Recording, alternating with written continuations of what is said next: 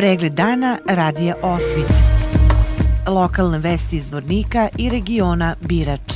Pratite pregled dana za 23. februar 2024. godine.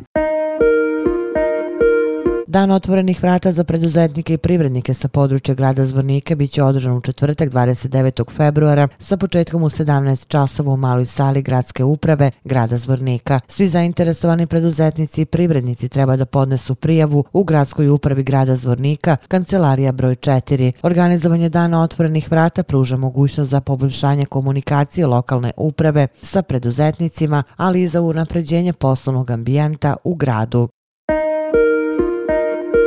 Počela je izgradnja dodatnih 13 parking mesta u Majvičkoj ulici u Zvorniku, što je prema rečima gradonačelnika Zvornika Bojana Ivanovića nastavak aktivnosti na povećanju broja parking mesta u gradskoj zoni. Svakodnevno sa svojim saradnicima tražim rešenja za jedan od najizraženijih izazova sa kojima se suočavaju naši sugrađani, a to je nedovoljan kapacitet parking mesta. Od uspostavljanja sistema od jula prošle godine navedenim aktivnostima izgrađeno je uređeno 270 novih parking mesta, rekao je gradonačelnik Ivanović. Turistička organizacija grada Zvornika predstavlja Zvornik na 45. međunarodnom sajmu turizma u Beogradu koji se udržava pod sloganom Avantura počinje ovde. Prema rečima Ivane Đokić-Milanović, direktorice turističke organizacije, ovo je bila idealna prilika da između ostalog, zajedno sa turističkom organizacijom Malog Zvornika, predstavi posetiocima prošle godine započetu tematsku šetnju i brošuru Stopama kralja Aleksandra I. Karađorđevića, Ivana Đokić-Milanović. Turistička organizacija grada Zvornika uzela je učešće na 45. međunarodnom sajmu turizma e, koji se održava u Beogradu od 22. do 25. februara. Nama je ovaj sajam izuzetno značajan jer se predstavljamo u okviru jedinstvene turističke ponude Republike Srpske.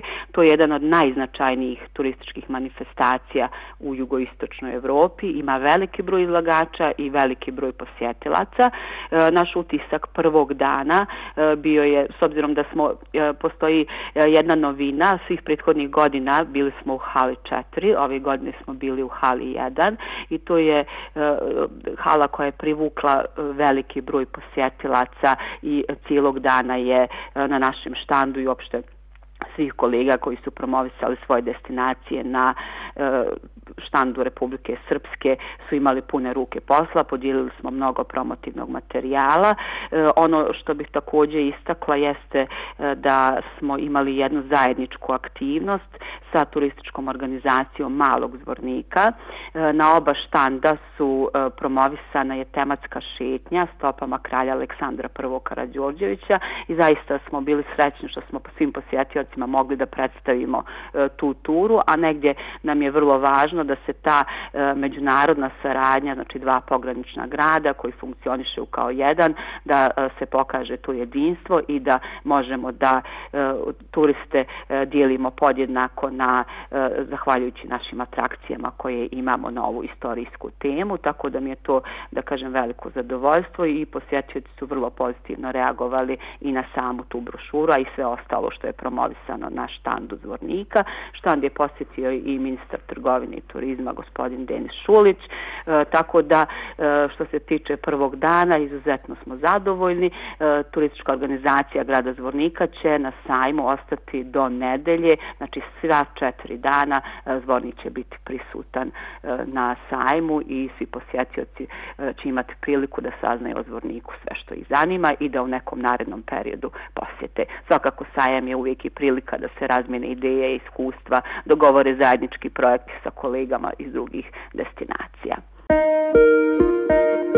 Policijskoj stanici Zvornik oštećeno lice je prijavilo da je od strane nepoznatog lice ili više njih izvršena provala u porodičnu kuću na području grada Zvornika, kojom prilikom je otuđeno vatreno oružje, vlasništvo oštećenog, određena količina novca i zlatnog nakita. Policijski službenici policijske stanice Zvornik su postupili po navedenoj prijavi i izvršili uviđaj na licu mesta. O svemu je obavešten dežurni tužilac okružnog javnog tužilaštva u Bijeljini. Stoji u saopštenju policijske uprave Zvornik. Pozorišnom predstavom Princeza i žaba kulturno-obrazovnog centra ŠID večeras će biti naslavljen festival Dečijeg pozorišta u Bratuncu. Pre same predstave bit će realizovane radionice za decu na kojima će mališani učiti da sami naprave lutke i pripreme svoje male predstave. Festival Dečijeg pozorišta se realizuje uz podršku Ministarstva civilnih poslova Bosne i Hercegovine, a organizatori su udruženje Art i Dom kulture Bratunac. 16 najboljih studenta iz Malog Zvornika koji su na javnom konkursu lokalne samouprave dobili stipendije za školsku 2023-2024. Ovih dana potpisalo je ugovor o njihovoj dodali. Iz budžeta opštine njima će mesečno biti isplaćivano po 12.000 dinara. Čestitajući studentima na dobijenim stipendijama i uspesima koji ostvaruju u školovanju, Zoran Jeftić, predsjednik opštine Mali Zvornik i Milisa Despotović, zamenik predsjednika opštine, poručili su da će u lokalnoj samoupravi nastaviti da se brinu uspešnim učenicima učenicima i da će ih podržati na putu sticanja znanja. Inače, na konkurs opštine Mali zvonik za dodelu studentske stipendije za ovu školsku godinu prijavilo su ukupno 25 studenta. Vukov dom kulture sinoć se još jednom pokazao kao idealno mesto za susret umetnosti i tradicije sa publikom, željnom duhovnog užitka koja prepoznaje kulturne vrednosti. Tome je doprinao pijanista Nikola Abramović, priredivši u saradnji sa Centru za kulturu Vuk Karadžić solistički koncert u rodnom gradu sa repertoarom isprepletanim od kompozicija klasične i tradicionalne srpske muzike. Opširni na sajtu loznačkenovosti.com.